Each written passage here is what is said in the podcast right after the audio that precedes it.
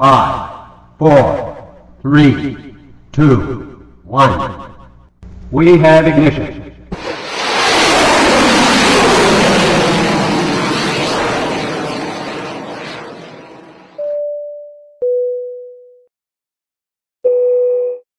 Ladies and gentlemen, we have just take off and you're listening to Solar Podcast. Ryan Little.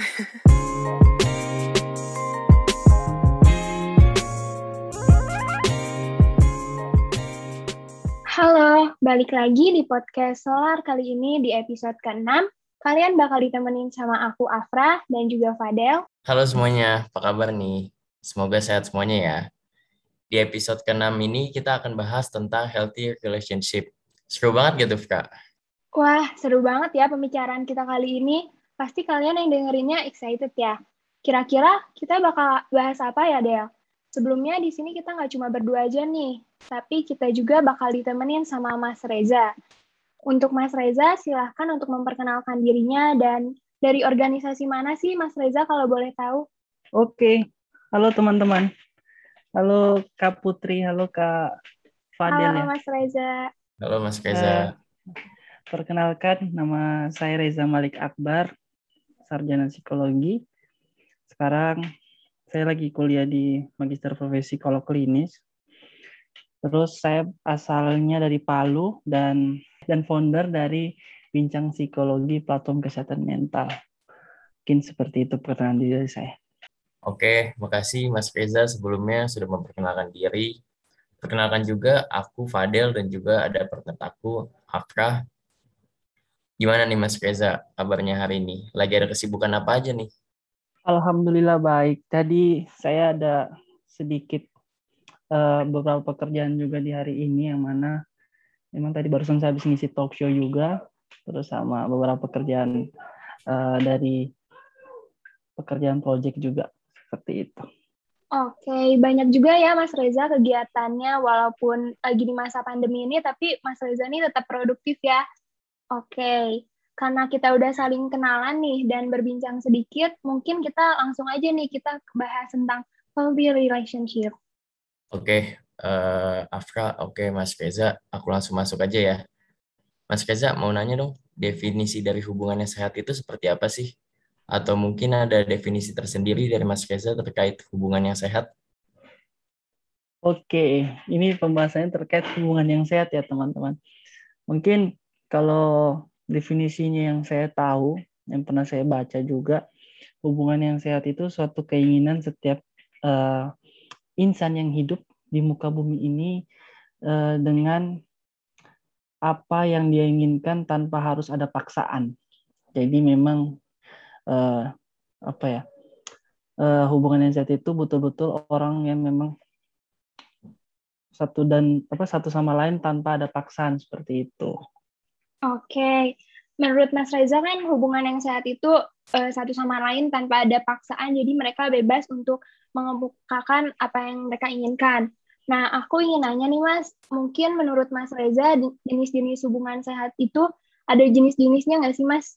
Oke, kalau jenis-jenisnya eh, itu memang kan kembali lagi ke hubungan. Ini hubungan tidak hanya terkaitan dengan hubungan pertemanan atau hubungan pacaran, bahkan ini hubungan dengan keluarga, hubungan dengan eh, sahabat, hubungan dengan atasan. Jadi bagaimana kita membangun hubungan itu? Kalau untuk jenis-jenisnya memang eh, yang saya tahu itu kayaknya tidak banyak sih yang tapi yang pernah saya baca itu hubungan yang sehat itu hubungan yang di mana memang pertama hubungan yang tidak ada paksaan terus kemudian hubungan dengan memiliki satu tujuan yang sama terus kemudian hubungan yang saling terbuka dan memiliki eh, keinginan yang memang satu. Jadi tidak ada tidak banyak keinginan yang lain seperti itu. Makanya kalau misalnya dapat dikatakan hubungan yang sehat itu sebaiknya memiliki komunikasi yang terbuka, terus kemudian eh, adanya beradu argumen namun tidak untuk menjadi permasalahan yang besar. Misalnya contohnya seperti ini, nggak apa-apa kok kalau misalnya saya sama misalnya saya sama Putri nih beradu argumen. Namun kalau misalnya beradu argumennya dalam titik di mana tidak mencapai permasalahan yang cukup besar itu tidak masalah. Yang salah itu kalau misalnya beradu argumen sampai di titik permasalahan yang sangat besar seperti itu. Terus juga terkait itu menjaga privasi. Jadi menjaga privasi ini sangat penting. Apalagi kalau misalnya hubungan ini yang berkaitan dengan hubungan bersama pasangan lawan jenis. Misalnya uh, tidak untuk apa ya?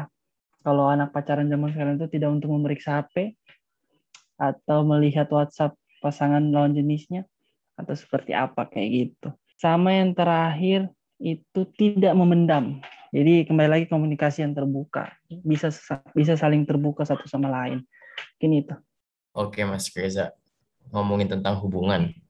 Kira-kira gimana ya cara kita tahu kalau kita hubungan kita itu sehat gitu loh. Kayak mungkin kalau dari pengalaman aku sendiri nih ya Mas dalam berteman, waktu itu tuh aku kayak lagi cerita aja tentang kehidupan aku ke teman. Tapi setiap hal yang aku ceritain ke dia, dia tuh selalu memberi jawaban atau uh, jawaban atau respon yang negatif gitu loh.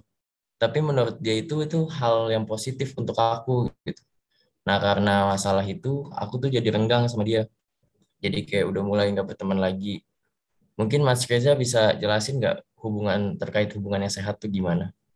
Oke, jadi uh, seperti yang saya dengarkan tadi, kata kalau kata Fadel itu ada permasalahan sedikit ya, yang mana ada pemaksaan terhadap uh, pendapat agar untuk diterima sama sama apa sama orang lain kayak gitu. Nah menurut saya itu hubungan yang sudah tidak sehat sih, karena hubungan yang sehat itu bagaimana dia dan misalnya bagaimana aku sama kamu bisa menyatukan pendapat tanpa harus ada paksaan. Pada dasarnya kalau hubungan yang sehat itu yang kita lihat misalnya nih contohnya tadi seperti apa yang saya sudah jelaskan, komunikasi yang terbuka. Jadi hubungan yang sehat itu bagaimana kita bisa uh, berhubungan tanpa ada beban.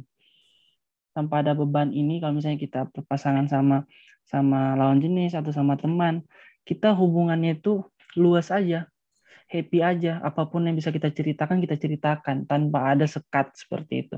Itu hubungan yang sehat. Terus hubungan yang sehat itu hubungan yang saling mendukung satu sama lain. Hubungan yang memang uh, mempunyai keinginan yang walaupun berbeda tapi saling mendukung seperti itu Oke, okay. menurut Mas Reza kan tadi kalau jenis-jenis hubungan saya itu kembali lagi ya ke hubungan bagaimana kita cara membangun hubungan tersebut, di mana seperti hubungan teman, tem hubungan dengan keluarga, ataupun hubungan dengan orang yang spesial. Nah, aku mau nanya nih Mas, kalau kita itu dalam hubungan dengan keluarga, teman, maupun pekerjaan itu cara untuk membangun dan juga menjaga hubungannya itu sama atau beda ya menurut Mas Reza? Karena aku pribadi merasa belum paham nih. Kan aku mungkin udah ngerasain ya kalau hubungan dalam keluarga ataupun hubungan dalam pertemanan. Tapi aku di sini belum e, ngerasain hubungan dalam bekerja karena mungkin status aku di sini juga masih mahasiswa ya mas. Mungkin nantinya aku akan terapin saat di lingkungan kerja baik dalam membangun atau menjaga suatu hubungan. Jadi menurut mas Reza cara membangunnya dalam hubungan tersebut tuh sama atau beda ya mas Oke, pada dasarnya memang ada agak perbedaan ya. Di mana perbedaannya itu eh, terhadap intensitas bertemu, terus kemudian intensitas terhadap obrolan itu pasti berbeda. Terus kemudian adanya kaitan terkait emosional itu pasti berbeda. Misalnya nih contohnya, kalau misalnya saya kan di tempat kerja juga, caranya berbeda saya bangun hubungan yang saya terhadap atasan saya, terhadap rekan kerja saya, sama hubungan saya sama keluarga atau bahkan mungkin sama pasangan atau sama teman. Itu pasti mempunyai berbeda-beda. Setiap setiap lingkungan pasti mempunyai cara yang beda-beda. Tinggal bagaimana kita beradaptasi dengan baik sehingga uh, tidak muncullah kata toksik di dalam situ. Karena ketika muncul kata toksik, otomatis kita menjadi racun dalam sebuah hubungan, baik itu hubungan kerja kalau misalnya uh, di hubungan pekerjaan, sebaiknya kita kita menginginkan hubungan yang sehat, kita mengerjakan pekerjaan itu sesuai SOP atau job desk yang diberikan. Kalau misalnya memang ada sesuatu dan lain hal, sebaiknya diutarakan, sebaiknya dibicarakan, sebaiknya minta saran lah sama atasan atau bahkan rekan kerja. Kalau misalnya hubungan keluarga, itu lagi, kembali lagi kan, kalau misalnya ke hubungan keluarga kan kita biasanya apa ya cenderung untuk eh, karena kita merasa keluarga kita paling dekat, jadi kita cenderung untuk melukai mereka. Ada satu satu podcast dari Uus apa ya kalau saya nggak salah ingat.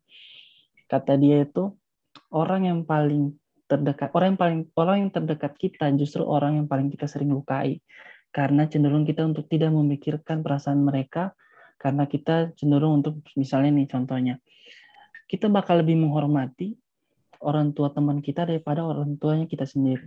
Nah, itu sesuatu hubungan yang sudah tidak baik ternyata.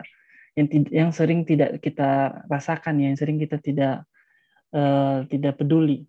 Karena pada dasarnya itu tadi karena terkait intensitas ketemunya sama orang tua lebih lebih banyak, akhirnya karena udah dekat, akhirnya hilanglah uh, yang namanya hubungan yang baik tadi. Makanya sedemikian rupa memang harus uh, kita sendiri individunya kita bagaimana cara beradaptasi sebaik mungkin walaupun tidak selamanya baik terus, namun setidaknya dapat beradaptasi dengan tidak saling melukai satu sama lain. Seperti itu. Oke, Mas Reza. Thank you sebelumnya jawabannya. Oh ya, teman-teman dan Mas Reza, sebelum kita bahas lebih lanjut nih, aku mau rekomendasiin suatu film untuk mengisi waktu luang nih. Jadi di film ini tuh awalnya kayak diangkat dari sebuah buku dan kebanyakan menceritakan pesan orang tua untuk anaknya gitu di masa depan. Menurut aku pribadi sih film ini nggak ngebosanin ya karena banyak hal-hal yang nggak diduga gitu dan banyak hal yang kita bisa ambil juga dari film ini. Jadi langsung masukin aja ya ke list film kalian. Nama filmnya nanti kita cerita tentang hari ini. Ditonton ya teman-teman dan Mas Reza.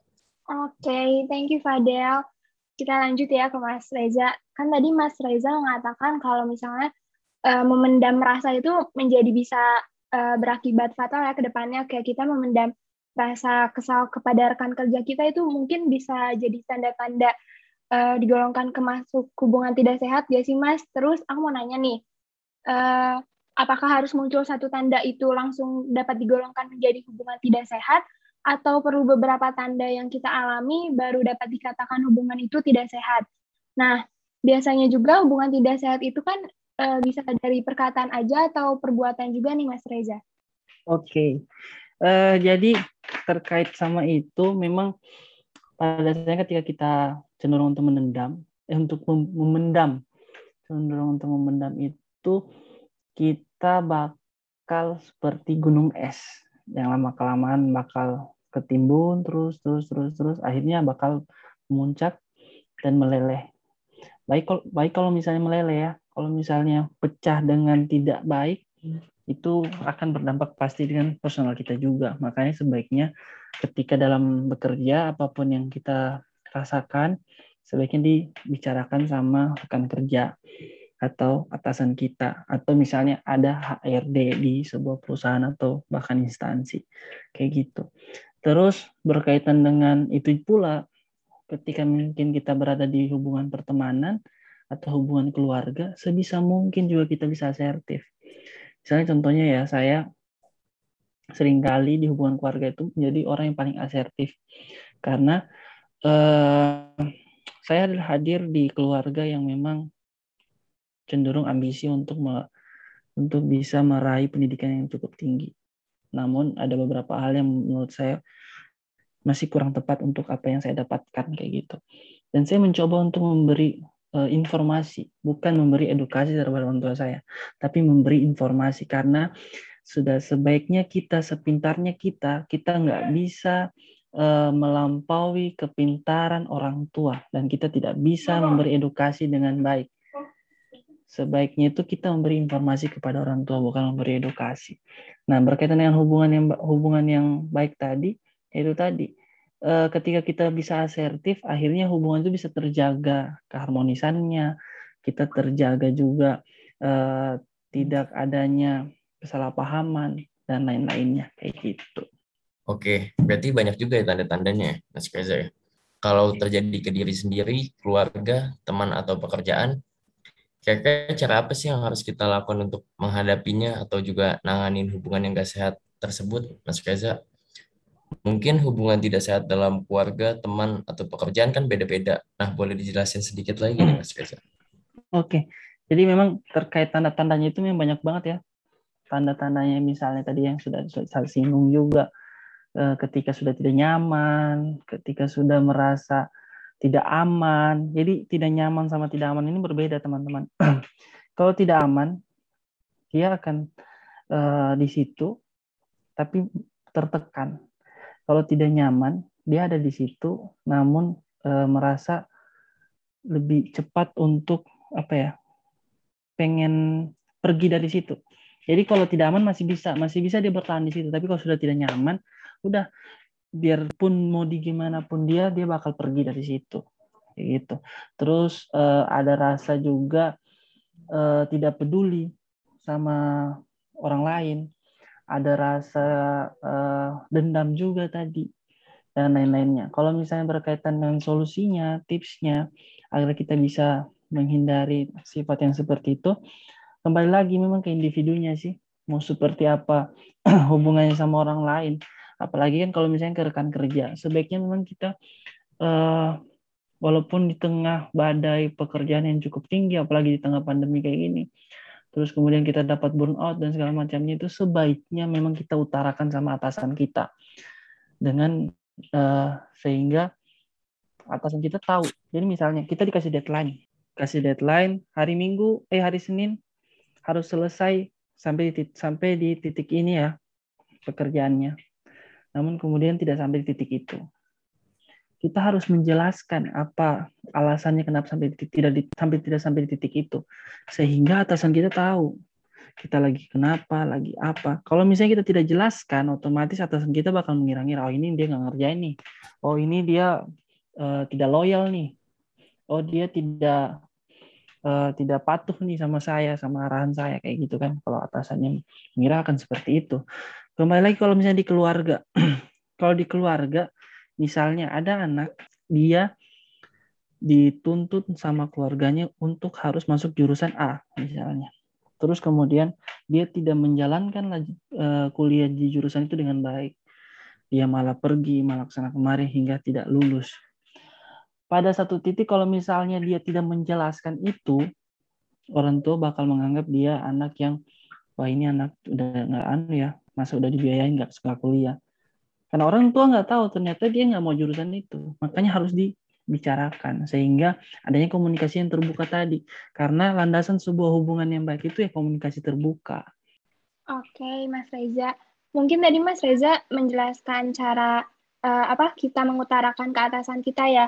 Kalau aku uh, boleh tanya nih Mas, cara biar kita nyampaikan ke atasan kita tuh yang baik dan sopan tuh kayak gimana ya Mas? Mungkin kan ada beberapa atasan yang mungkin tidak mau mendengarkan penjelasan dari bawahannya bagaimana mereka telat mengerjakan sesuatu yang seharusnya deadline tersebut. Nah, mungkin ada tata caranya nggak sih Mas biar agar atasan kita juga mau mendengarkan kita?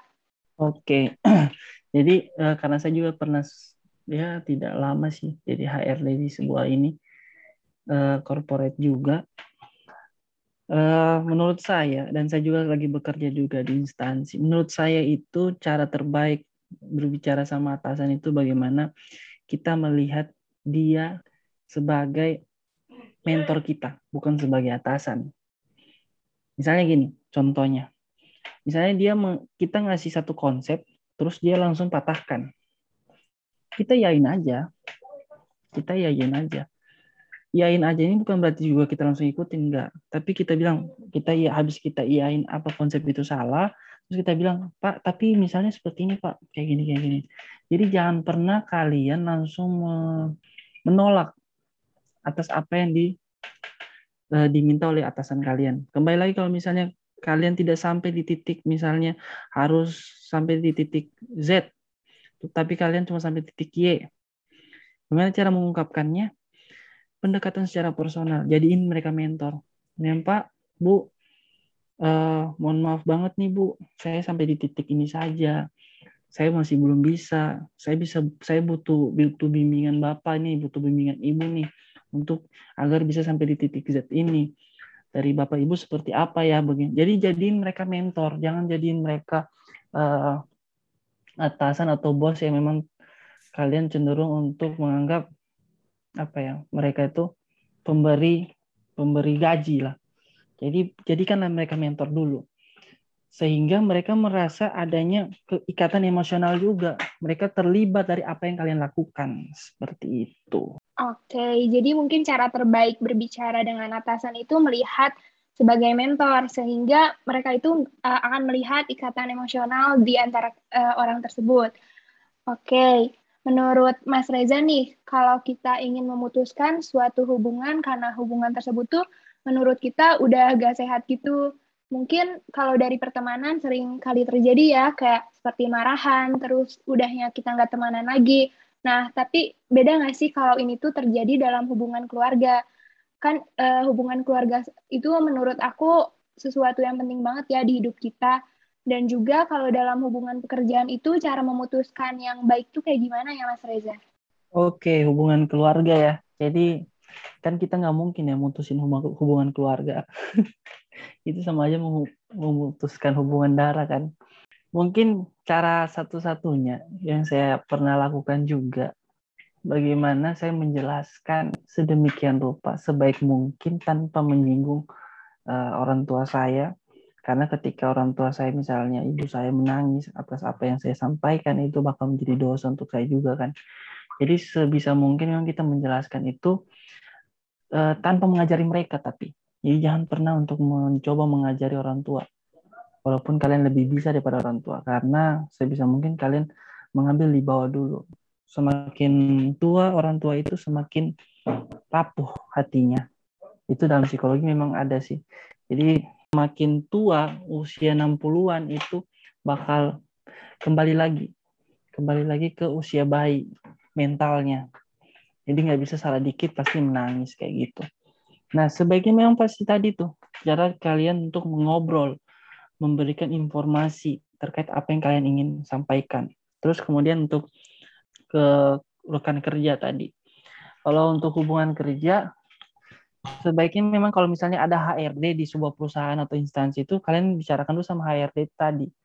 Kalian sampaikan keluh kesah kalian, kalian sampaikan apa yang membuat kalian bisa sampai di titik itu.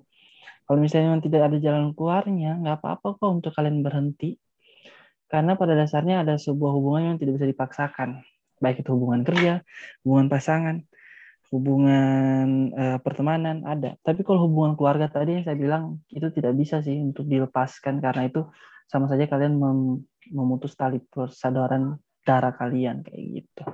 Oke Mas Reza, aku mau nanya nih. Misalnya aku kan udah gak mau berteman sama si A. Kemudian karena perasaan keselnya udah hilang sama si A, kita uh, kayak mau pengen aku pengen berteman lagi nih sama si A. Tapi kan udah ada jarak antara sebelumnya karena aku berantem gitu sama si A. Ada gak cara aku untuk membangun lagi hubungan tersebut? Dan setelah itu aku bisa menjaga hubungannya sehat sama dia?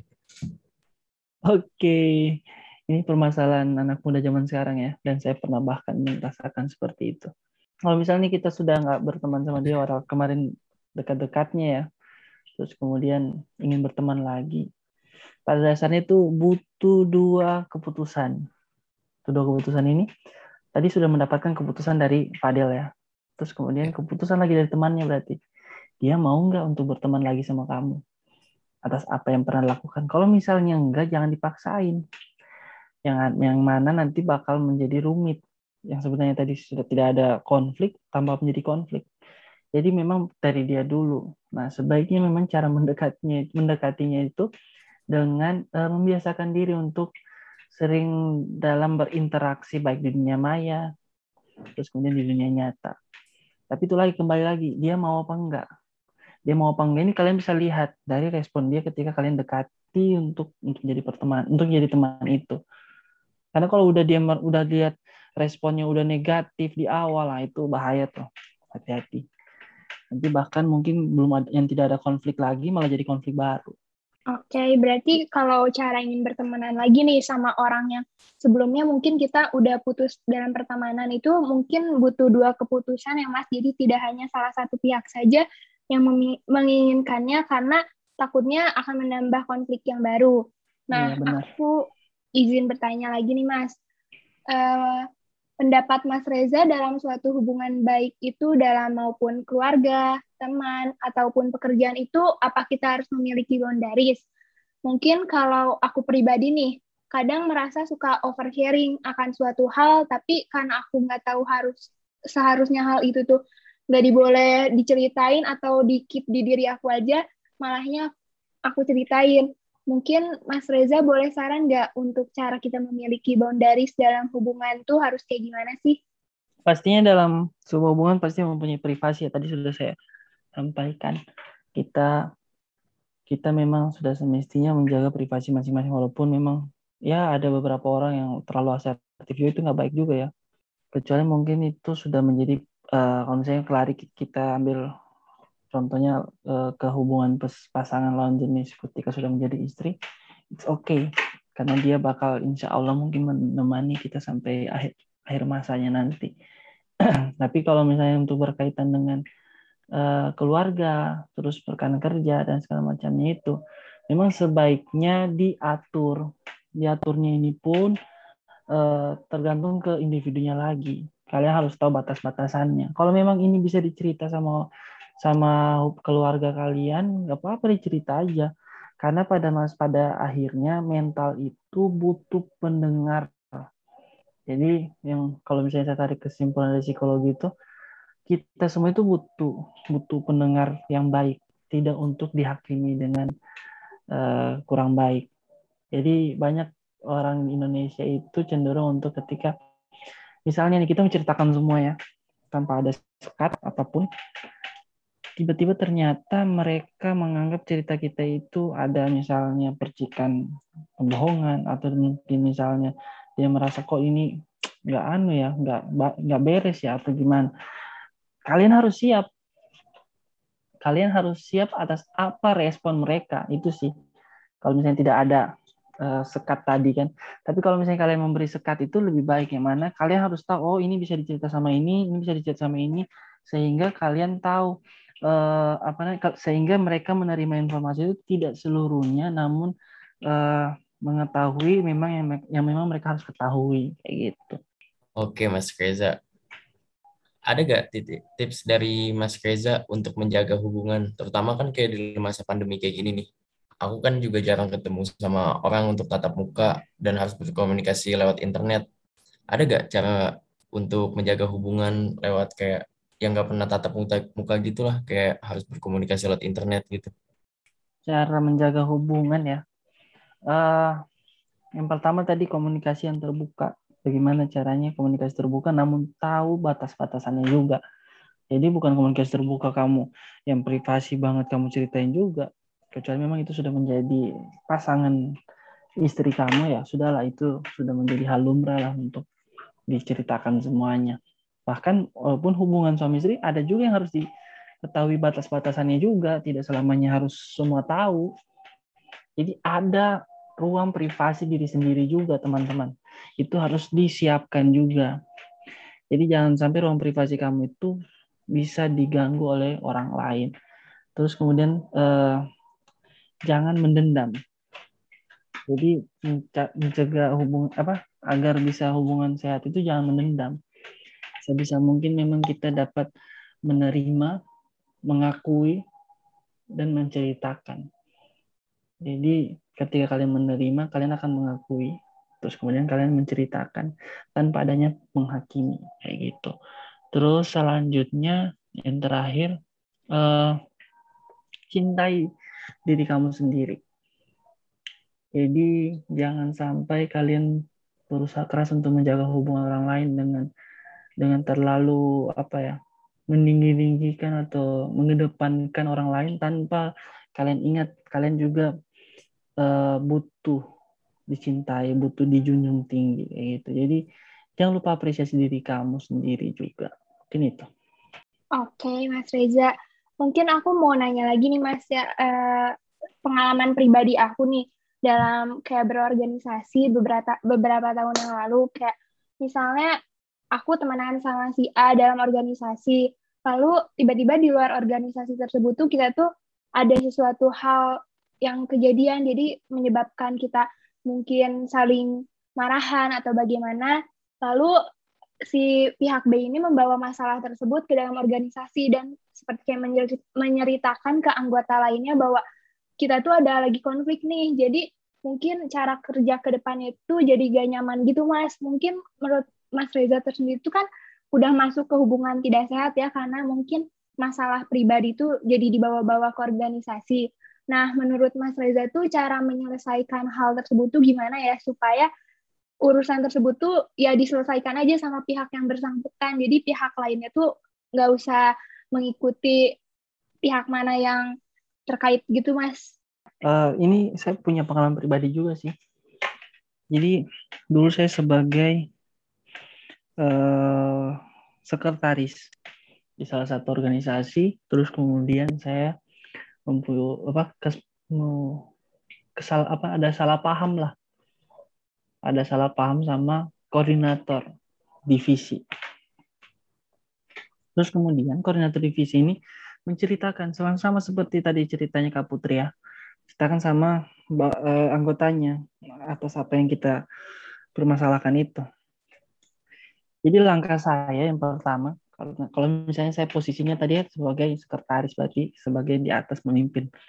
Saya mengajak uh, koordinator divisi itu dan stafnya untuk berkumpul bersama. Terus menceritakan permasalahan kita apa. Namun sebelumnya memang kita harus ketemu dulu berdua sama yang saling salah paham ini. Sehingga memang kita harus di, di apa ya, harus belajar untuk profesional Mana profesional ini bedakan bedakan urusan pribadi sama urusan organisasi. Jika memang dia masih membawa itu urusan pribadi ke urusan organisasi, nah itu tadi kita ajaklah ketemu sama satu organisasi kalau misalnya ya. Terus kemudian kita ceritakan permasalahan saya sama misalnya sama Putri nih seperti ini teman-teman. Dan saya sudah jelaskan ke Putri kok terkait ini. Saya cuma saya memohon maaf. Jadi sebisa mungkin kamu ambil di bawah dulu ambil di bawah ini maksudnya kamu jangan me, apa ya bukan memasang tidak memasang harga diri juga tapi cenderung untuk mengalah dulu. Karena sebaik-baiknya kita ketika ada masalah sama orang lain akan lebih baik kita mundur satu langkah untuk melangkah lebih jauh. Jadi mundur dulu kalian mengalah. Iya saya salah mungkin. Walaupun mungkin kamu kurang kurang memang mungkin menurut kamu kamu nggak bersalah banget tapi kamu mengakui aja saya salah dengan seperti itu kamu bakal mendapatkan respect dari organisasi kamu dan si yang si putri tadi yang bermasalah sama saya itu bakal uh, lebih sadar. Oh iya ya, dia saja bisa profesional kok saya enggak. Mungkin seperti itu. Mas mau nanya lagi dong sekali lagi. Ini kayak tentang hubungan pacaran gitu ya kan kita kan anak-anak muda semuanya. Kalau misalkan kayak pasangan kita tuh kita udah ngerasa hubungan sama pasangan kita tuh udah gak sehat kita bisa gak ya ngerubah sifatnya dia biar kayak aku merasa kalau dia berubah tuh hubungan kita menjadi sehat gitu. Boleh gak ya mas? Ini yang ya saya kemarin beberapa kali menangani klien yang terkait ini ya. Semakin pesatnya sosial media ternyata semakin meningkatnya hubungan yang toksik ternyata. Itu ada ada penelitiannya kalau nggak salah tuh. Karena itu tadi akses untuk lawan jenis atau pasangan itu lebih banyak. Terus kemudian kalau misalnya nih uh, kita berharap untuk dia dapat berubah, nggak apa-apa sih berharap, tapi kita harus lihat realitanya juga ya. Saya pernah ada di posisi hubungan yang toksik. Jadi saya selama hampir dua tahun ya bareng sama pacar saya. Ini nggak apa-apa saya cerita ya. Gak apa-apa, Mas. eh, bareng sama pacar saya, terus kemudian saya berharap terus nih. Dia bisa berubah, dia bisa berubah, dia bisa berubah. Padahal sebenarnya saya pelajari di dalam psikologi itu, yang bisa dirubah itu eh, apa namanya kebiasaan. Kalau sudah sifat itu sudah tidak bisa berubah, hanya bisa dikontrol. Nah ternyata itu sudah sifatnya dia seperti itu, bukan lagi kebiasaan akhirnya yang saya lakukan hanya bisa untuk menerima. Jadi kalau misalnya kalian misalnya pengen nih uh, menikahi atau menikah sama orang satu atau orang nih, terus kalian berharap untuk dia dapat berubah ketika menikah itu agak sedikit riskan ya. Banyak yang saya lihat teman-teman saya seperti itu berharap ah nanti pacar saya nanti berubah kok kalau dia udah menikah. Enggak kok. Sama aja bahkan lebih lebih apa ya? Lebih ini kayaknya Keluar lebih sifat aslinya gitu ya. Iya, lebih keluar sifat aslinya. Kayak ada nih yang barusan barusan viral lagi kan. Saya nggak tahu di daerah mana itu baru sebulan nikah dia bunuh istrinya kan. Ada nggak teman-teman tahu tuh? Iya pernah dengar mas. Main- Iya mas tahu beritanya lagi viral banget Lagi, ya kan. lagi viral banget kan. Mm-mm, benar. Heeh. Jadi mungkin ya saya nggak tahu sih jalan ceritanya pasangan itu. Cuma yang saya baca-baca di kolom komentar dan segala macam itu. eh padahal eh baca kolom komentar saya lihat ternyata ada yang cerita bilang wah padahal pasangan ini sangat romantis sebelumnya. Sangat ini sangat itu. Bahkan ada foto-fotonya. Kasihan ya maksudnya saya melihat kasihan banget seorang istrinya ya. Memang baru menikah satu bulan terus cantik pula. Suaminya nggak dengan apa ya tindakan yang sangat tidak manusiawi untuk membunuh ya. Itu tindakan membunuh sih. Terus kemudian yang saya tarik kesimpulan bahwa mungkin ada harapan sih sebelum menikah itu. Harapan bahwa mungkin suaminya bisa berubah karena oh sosok suami yang dengan singkat ya satu bulan kalau misalnya tadi tiga tahun atau lima tahun itu itu mungkin masih ada oh mungkin permasalahan rumah tangga nih ya ini masih satu bulan nih teman-teman. Masih satu bulan terus tiba-tiba ada ada kabar bahwa dia membunuh istrinya. Berarti itu sesuatu yang sudah memang sudah ada sebelumnya pada saat sebelum menikah kan?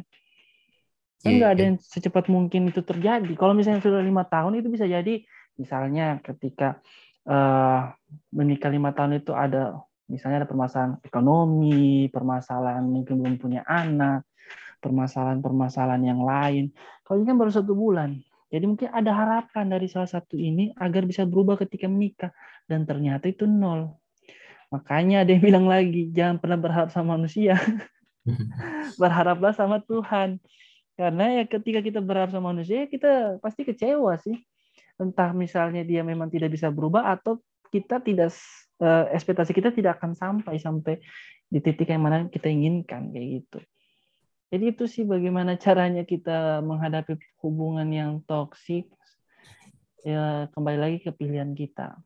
Tidak ada yang namanya racun bakal hilang sendiri. Kalau misalnya kalian teguh terus bakal apa ya jadi misalnya kalian di, hubungan yang toksik nih karena saya pernah merasakan itu saya teguk terus itu racunnya.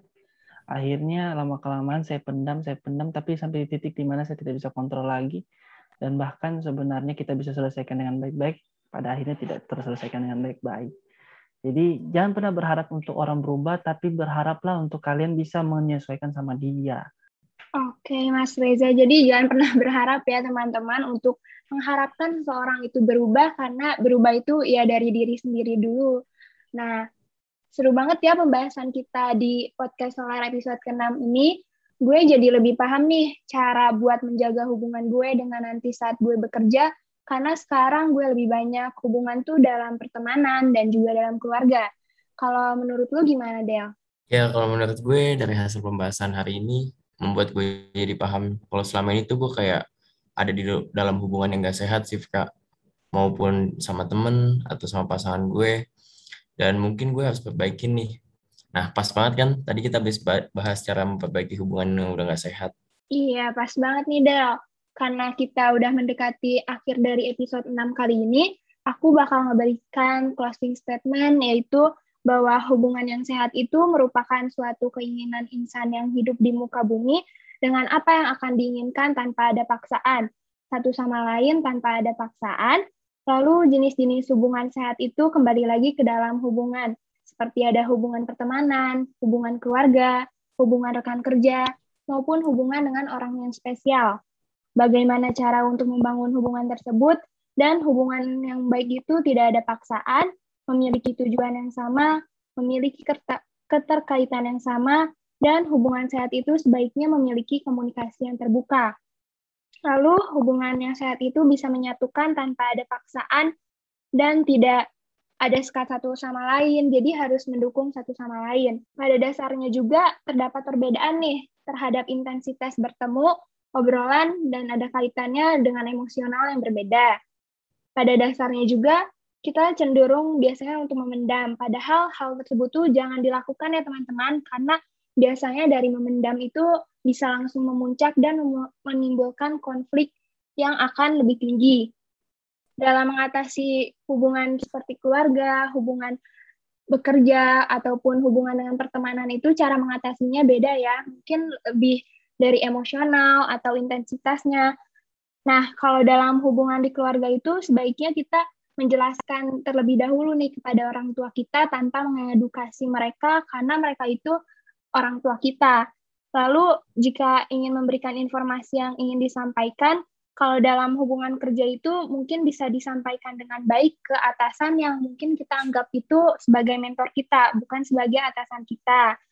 Eh, untuk cara keluarga itu komunikasi atau mengobrol yang baik. Mungkin closing statement dari aku segitu sih, Del. Oke, thank you Afra. Dan sebelumnya terima kasih banyak nih untuk Mas Reza nih yang udah nemenin kita ngobrol-ngobrol di podcast Solar episode 6 ini. Semoga topik kali ini bermanfaat ya Mas bagi kita semua. Dan semoga kita bisa bertemu lagi di lain kesempatan ya Mas Reza ya. Oke, makasih. Oke, sekali lagi makasih ya Mas. Mungkin ada kata-kata, dua kata yang ingin disampaikan oleh Mas Reza nggak ya? Uh, mungkin closing statement dari saya. Uh, tadi saya sedikit ambil dari quotes juga yang ada di film yang dianjurkan sama Fadel tadi ya. NKCT, film NKCTHI nanti kita cerita tentang hari ini yang mana setiap masalah itu hadir dengan solusinya jadi setiap problematika kehidupan itu pasti ada solusinya teman-teman dan memang sudah dipastikan dan sudah ditentukan oleh Tuhan Yang Maha Esa bahwa dia tidak akan pernah menguji hambanya melebihi kapasitas hambanya itu sendiri. Mungkin itu saja dari saya. Sekian dan terima kasih. Baik, terima kasih Mas Reza. Oke, gue Afra. Gue Fadil. Sampai bertemu di episode-episode selanjutnya. Alsa always, always be one.